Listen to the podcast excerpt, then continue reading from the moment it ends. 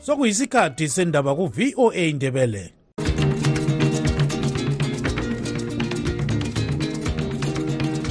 amatshono zihlobo siyalamukela kuhlelo lwethu lwezindaba eziphathelane lezimbabwe.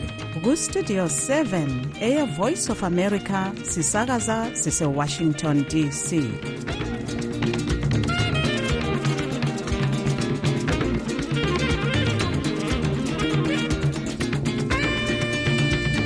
olamukela ngenjabulo kustudio 7 ngolesihlanu mhla ka-16 hlolanja 2024 ngudabo kancube. Endabeni zethu lamhlanje inhlanganiso ezilwela amalungelo oluntu zithi okwenziwe ngumsekeli kamongameli welizwe umnumzana constantino chiwenga ukusola uhlelo lwemunu munu scholarship kuphambana lesekelo sombuso welizwe. Kulabantwana abane abafele emoteni abazivalele kuyo bedlala ehopley zone 1 eharare lapho amapholisa athi basuke baphelelwa ngumoya wokuphefumula. Inhlanganiso ezimela amalungelo kazulu seziveze ukukhathazeka kulandela ukuxotshwa kwabantu emizini asebehlale kuyo okwesikhathi esedlula iminyaka engamachumi amabili 20 zonke lezi ndaba lezinye lizozizwa kulumsakazo.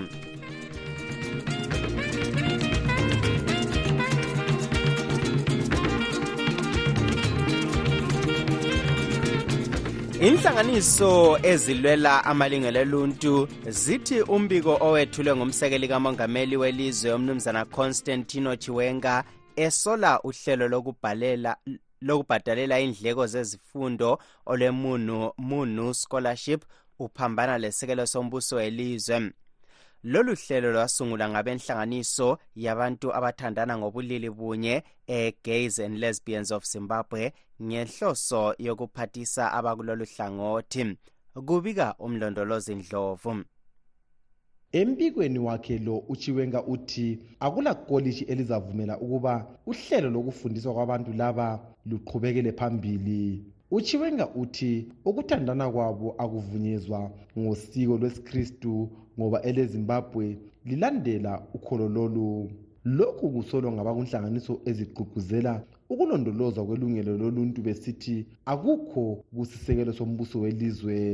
Isiphathamandla senhlanganiso yezimbabwe ngo forum umnumzana hubert mandinde uthi yikuphosisa ukuthi elezimbabwe lilizwe lamakristu kuphela esithi isisekelo sombuso sinikeza wonke umuntu amalungelo afanayo.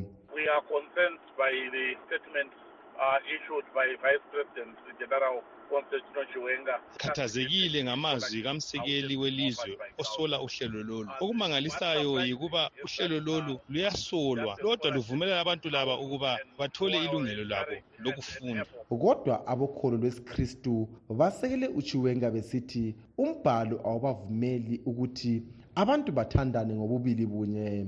Lokhu kutshiwo ngumfundisi simbarashe maringosi othi bayazisola inhlelo zonke zabantu laba. Yinto esingayikhuthaziyo yinto engafunwa ngunkulunkulu njengesonto kasonto esiyikhuthaza ngoba ibhayibhili likubeka sobala kusegcekeni ukuthi kasonto ekhuthazwayo. Esodoma legomora wabhidlizwa ngenxa yendaba yona leyi so kumele sithiyane lakho isiphathamandla senhlanganiso ye-gays and lesbians of zimbabwe umnumzana chesterfield samba utshele istudio 7 ukuba ezimbabwe kabakhululeki ukupha umbono wabo njengenhlanganiso. Andisathi ndanemvumo yokutaura bosi angikabi le mvumo yokukhuluma. Angenelisi ukukhuluma ngodaba lolu. Unkosikazi gumisa ibhonzo okhokhela inhlanganiso ye-transmart trust laye uthi bayesaba ukupha imbono yabo phezu kodaba lolu. Uhulumende wezimbabwe kusukela ngesikhathi sikamuyi umnumzana robert mugabe wayevele ehlala ebathuka abakuhlangothi lwempilo kuthandana kwabantu bobubili bunye ebafanisa lezinja lengulube. Imithetho yezimbabwe kayicaci ngokuphila kwabantu abathandana ngobubili bunye kodwa kayivumeli ukutshadiswa kwabo emthethwandaba loba emacaweni uhlelo lwemunumunu scholarship olokubhadalela indleko yezifundo indawo zokuhlala emakolishini lakumayunivesithi lwaqala ngomnyaka ka-2019 ngimele istudio 7 ngiseharare ngimlondolozi ndlovu.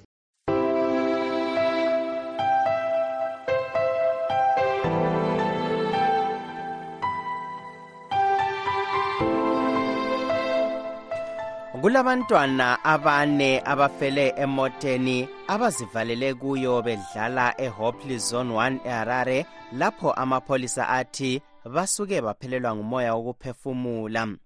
Abathathu babo bebeleminyaka yokuzalwa emithathu njalo babalisa u-allen busiri kudzayishe tsuro lo-ashley mato owesine ngu-anotidayishe mutize obeleminyaka emine. Isikhulumeli samapholisa umnumzana paul nyathi wazise ukuthi abantwana laba bazivalele emoteni yohlobo lwe-toyota chesa ngehola lechumi lambili 12 o'clock emini baze batholakala ngumnikazi walimota ngehola lesikhombisa 7 o'clock ebusuku sebefile. Uthi ukuzivalela kwabo kwenze baswela umoya wokuphefumula.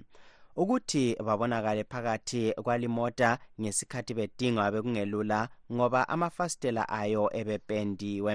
Ingozi ezinje zivamile ikakhulu kwelemelika ngesikhathi sokuchisa kwelanga. Sixoxe lo mkhokheli wenhlanganiso ye-motor industry employers association of zimbabwe umnumzana abednico bebe okwakuqala umntwana omncane kakufanelanga ukuthi sibajayeze ukudlalela emoteni ngoba phela kuningi okuyenzakala singaboni ingozi ngale esikhuluma ngayo kathesi. Isakasonto enhle emntwaneni especially umntwana omncane. Kwesinye isikhathi kuyeqala-ke ukuthi lanxa kungasho ukuthi ungene wavaleleka emoteni kungenzakala ukuthi adlalise into elimazayo ephakathi kwemota kumbe angene ngaphansi kwemota wena ungene ukuthi kuyigijima mhlawumbe usabe ukuthi uye emsebenzini kumbe sekule-emergency ukusulimaza umntwana. So abantu esiningi akufanelanga ukuthi bajayeze ukuthi badlalele emoteni. Kwakuqala lokho okwesibili nxa ungafika ngekhaya kulabantwana abancane kuqakathekile futhi ukuthi-ke imota uyikhiye ukwenzela ukuthi abantwana bangabi lokuvula imota-ke kungala muntu omdala. Ngoba abantwana abancane phela into eziningi kibo into zokudlalisa. Bayadlalisa nje mahlayana bese kuba lomonakalo ungajayeza abantwana ukuthi badlalele emoteni. Ngomunye ilanga sizasithi imoto ingalamoya amaviri wonke ngoba nabana baba bengazi lutho besibadlala so kuqakathekile ukuthi abantwana sibakhangele ngaso sonke isikhathi sibananzelele ukuthi kabadlaleli ezimoteni yona imota nxa ufika endlini kumbe ufika ngekhaya lapho kulabantwana bababhebhe yiwaphi amanyathelo omele uwathathe angavikela ingozi ezinje? Lokhu esingathi ngama-safety precautions. Imota kwesinye isikhathi ikakhulu imota ezenziwa esimanje lezi. Kazingenisi umoya owaneleyo nxa amawindi evaliwe imota ilile ingaduli um especially ngesikhathi sokutshisa le. So kuqakathekile nxa ufika endlini okwakuqala ubone ukuthi imota uyikhiyile ikhiyekile akula mntwana ongadlalela kiyo. Um kuyaxwayiswa futhi xa imota ilama-windshield especially uyachiya iwindi kancane ukwenzela ukuthi-ke um imota ibe ne-circulation yomoya. Umoya okwesithathu ongakwenza yikuthi nxa ungena endlini khangela uthalaze yonke indawo ukuthi kakula mntwana eduzane ukhiye njalo imota ubusungena-ke endlini. Ngaso sonke isikhathi nxa ufika usendlini imota kayihlali ikhiye especially nxa ulabantwana abancane. Umnumzana abednico bebe ngumkhokheli wenhlanganiso ye-motor industry employers association of zimbabwe ubexoxa ecingweni lontungamili nkomo owestudio 7 eseharare.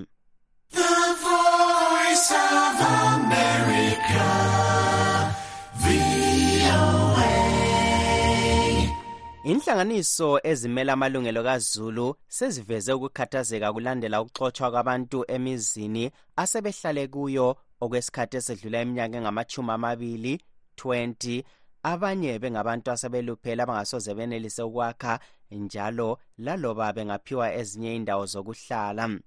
Ezinye inhlanganiso ezigoqela e-communities in actions platform zithi kulabantwana abanengi asebechiye isikolo kulandela ukuxotshwa kwemuli eziningi ezetheswa umlando wokuzihlalisa emhlabathini kahulumende umphathintambo kahulumende obona ngezomhlabathi umnumzana anxious masuka ukhuphe umbiko ngolwesithathu esithi uhulumende kafuni ukuzwisa abantu ubuhlungu kodwa ufuna ukususa abantu abathatha umhlabathi okungekho emthethweni eselekelela ngokuthi uhlelo lolu luzaqhubekela phambili. Ukuhlaziya lolu daba sixoxa lomnumzana stevenson dlamini ingcwethiko zombusazwe njalo efundisa ekolitshini lenast kuba buhlungu ukuthi abantu nje bahlala isikhathi eside endaweni bezitshela ukuthi sebegxilile. Bathola ukuthi hhayi sekusukubele nguquko sebezithola bengekho emthethweni.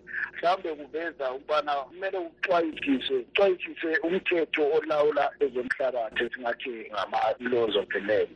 Ngoba ye kukhona indawo esibona khona abanye babe ngama-laborons kulabanye wakule um esingathi land corruption ukuthi omunye umuntu wathengisa umhlabathi engenamvumo yakhona kulamanye abangena kungenamvumo konke lokhu um kuletha ukukhathazeka empilweni zabantu kodwa kuyaveza ukubana mhlawumbe kusiya phambili xa umuntu ephiwa umhlabathi kumele mhlawumbe namagqwetha ukuze axwayisise ukubana umhlabathi awutholayo ngosemthethweni njalo nxa usemthethweni ungaphansi uhlangothi olulawula lowo mhlabathi. Lapho abantu abaningi phakathi kwabosabhuku labantu belengi abantu esingathi ngama-local authorities mhlawumbe kwakungacaci khonaphana mhlawumbe kukhona abantu abazane bakubhasobhe um kwezomthetho. Njengoba sibona abanye abaxotshwayo basuka bahanjiswe umthethwandabo umthethwandabo lawo utsho okumele kwenzakale. Mhlawumbe esikunanzelelayo ukuthi kumele abantu kathesi babe lokucwayisisa nxa bephiwa kumbe bethenga umhlabathi babone ukubana indawo yakhona isemthethweni baze bafake lamagqwetha phakathi. Abanye bathi lokhu kungaphathisa labo abadinga ukuthi babe bethenga umhlabathi kathesi kodwa abakade besendaweni lezi okweminyaka bona babuzisisa ukuthi pho uhulumende yena ubemeleleni aze abachiye okwesikhathi esingaka e, abanye sebeze baluphala abanye sebeyakhe imizi e, njalo bezasuswa kungela mali abazihlawulwayo. Eh lokhu kuyahlukumeza kakhulu ikakhulu sikhangela abasebele isikhathi eside bethiwe umhlabathi xa sikhangela umuntu ohlale okweminyaka engamashumi amabili? Kusuka kukhathaze ngoba umuntu lwana seke wavunyelwa efake naye impilo yakhe ukuthi sikhonapho kusuka kulethe ukukhathazeka ikakhulu empilweni zabantu. Sikhangela kakhulu asebekhulile. Asebathiya umsebenzi bezitshela ukuthi hhayi bagcinakele njengoba sebelesikhathi eside kulowo mhlabathi. Mhlawumbe okubalulekileyo ukubana labo bakhangeliswe bakithi ngoba kuba lokuhlukuluzeka ebantwini kakhulu lo ube ngumnumzana stevenson dlamini ingcwethi yezombusazwe njalo efundisa ekolitshini lenast esecingweni lestudio 7 ekobulawayo.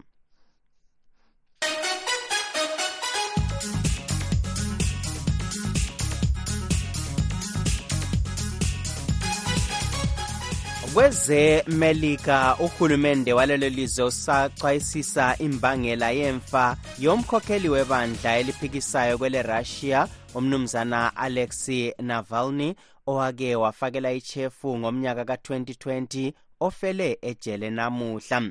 Unavalny ubethwalise nzima umongameli vladimir putin wele-russia ngokuveza inkohlakalo ekhokhela ukutshengisela okungakaze kubonakale kwele-russia.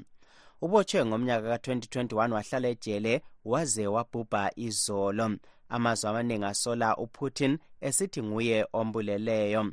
Umkakhe uthe umbone ngeviki edluleyo ejele eziphilele engaguli. Uhulumende welemelika uthi uzaqala adingisise imbangela yemfa kanavalny andubana ethule umbiko ophathelane lemfa yakhe. Ukuhlaziyela lolu daba uchris gande westudio 7 uxoxelo olandela ezombusazwe lemelika umnumzana difa dube.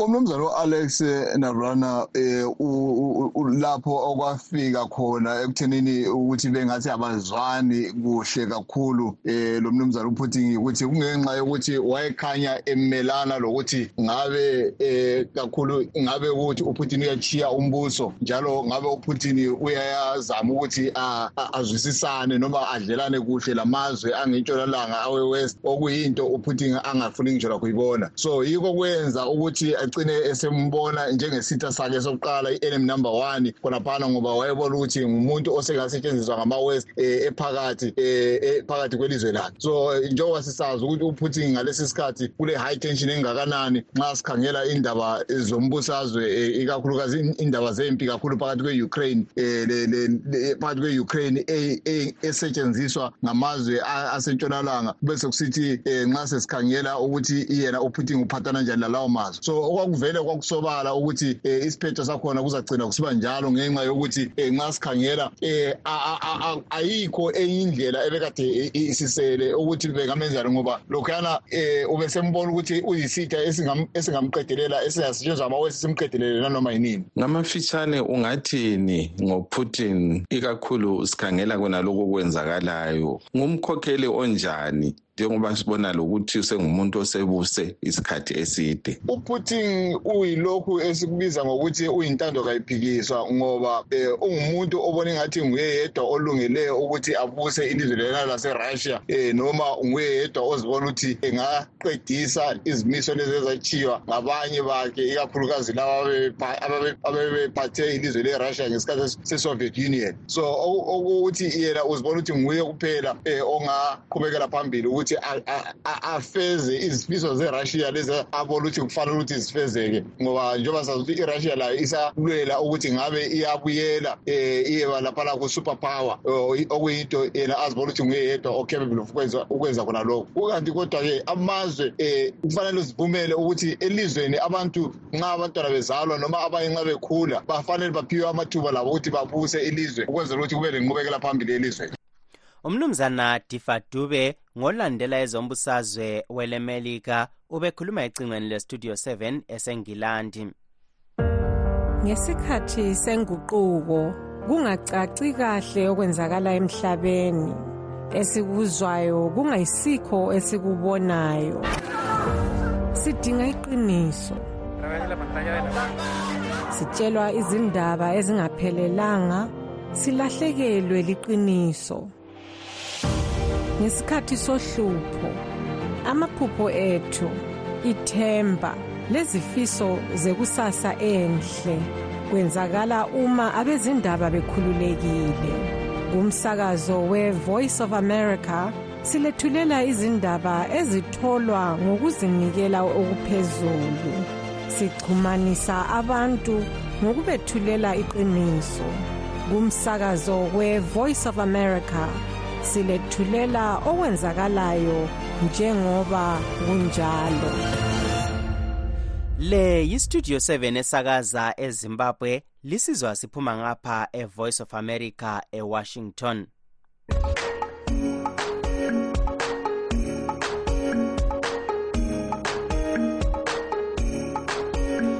Okwamanje wothi sizwe abanye babalaleli bestudio 7 besipha imibono yabo.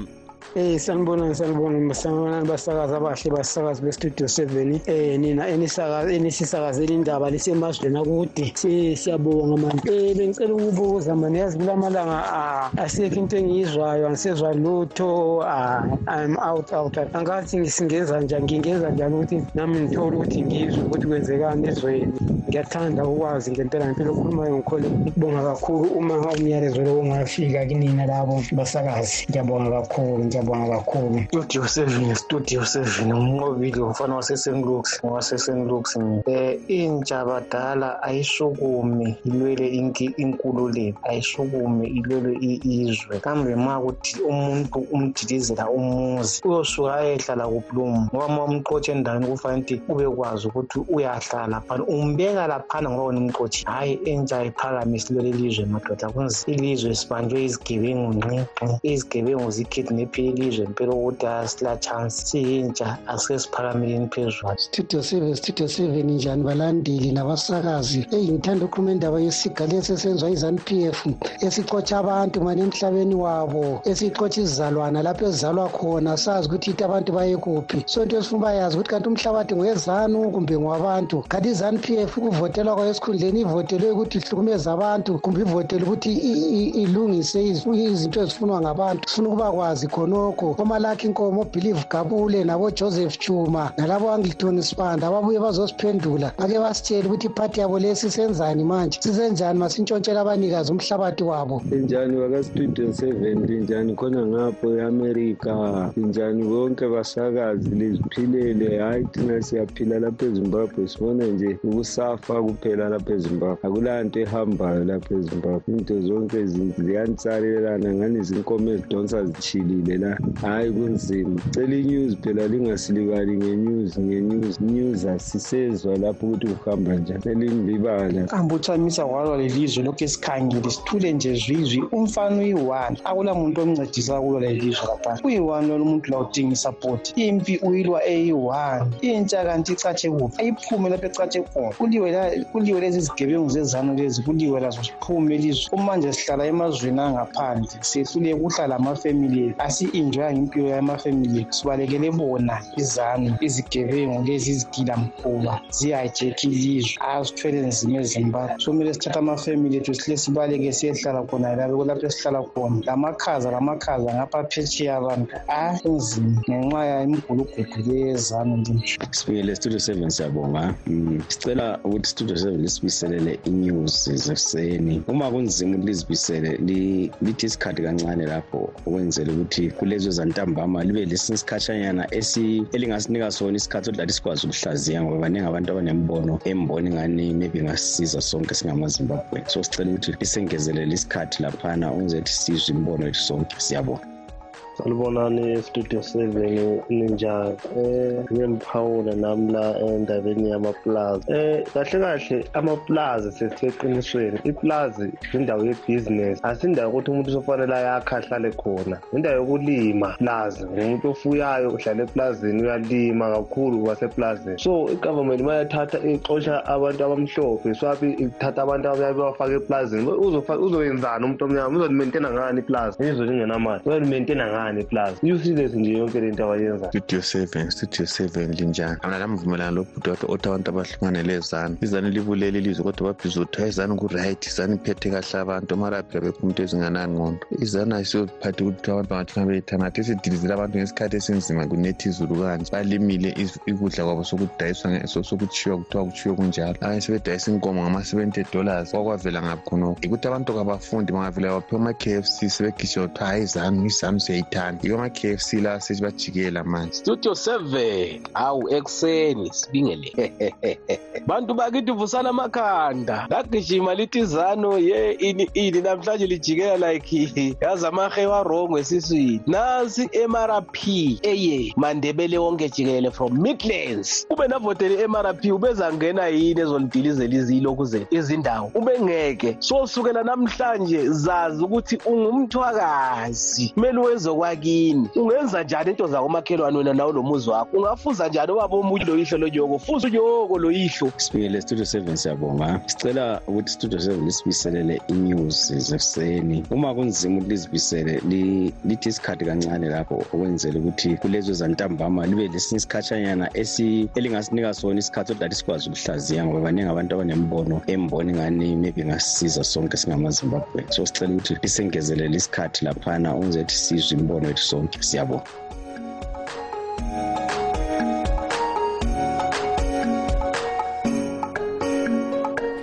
Labo ngabanye babalaleli bestudio 7 besipha imibono yabo.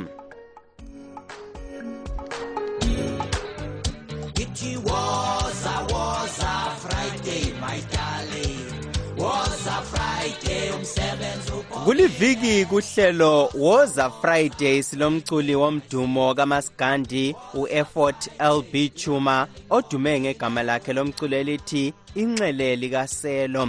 Nangu exoxa lomsakazi westudio 7 u-ezra chisasibanda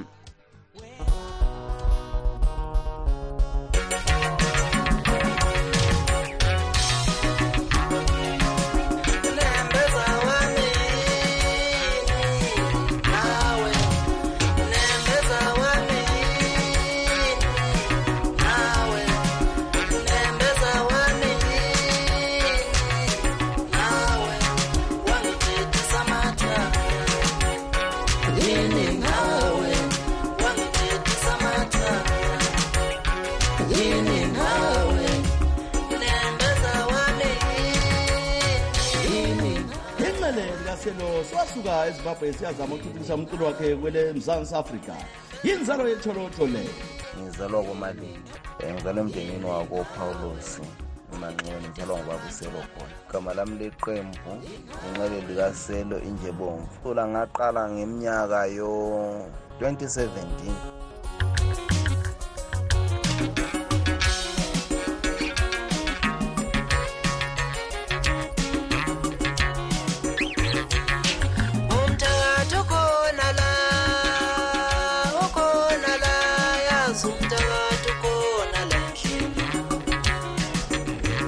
u-efort uyaziphekela umculo wakhe njalo selamadlaladi ambalwa. Ushuni engiwudlalayo ngubiza ngesinxele obhala ingoma eqenjini yimi uqobo lwami ama-cd lengesine ama-albhamu mabili ama-ep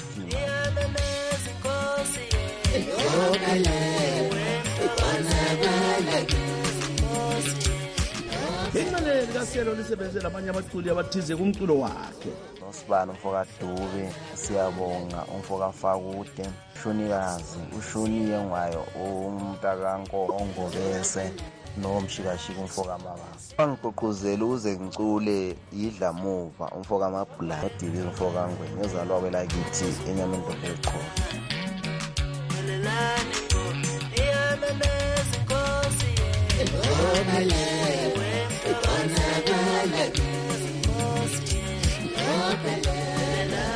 umculo wakhe uyatholakala ebulenjini be-intanethi ngiyatholakala msakazi wami kuma-social media ku-youtube inxele likaselo injebomvu ku-facebook page inxele likaselo injebomvu ku-tiktok kuwhatsapp 07 356 54459 ngizokwazi ukuxhumanisa nomuntu oseduze sokuya ukuthi wena ulifuna ukuphi i-cd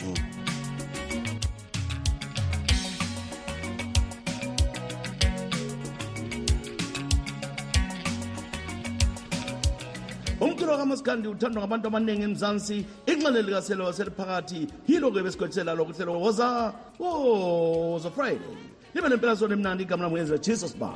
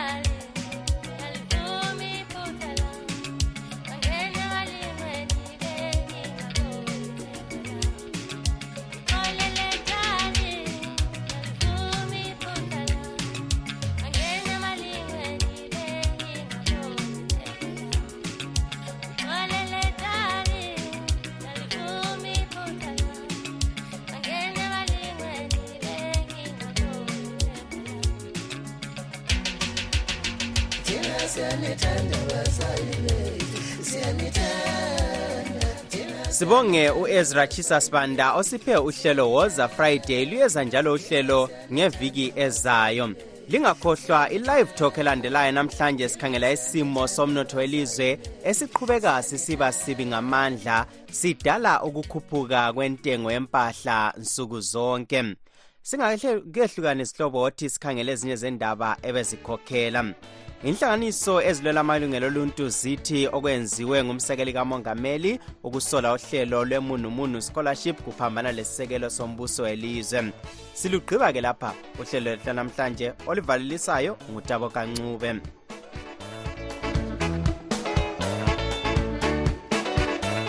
siyalibonga ngokulalela kwenu. Asibeke ithuba elifanayo kusasa kustudio 7 kusukela ngo-half past 7 kusiya ku-8 o'clock ntambama kuhlelo lwezindaba zezimbabwe. Tinotenda nekuteerera chirongwa chedu. Teererai zvakare mangwana kubva na7 p m kusvika na730 p m. Apo tinokupai nhau muririmi rweshona. Lilani. Murara zvakanaka mhuri yezimbabwe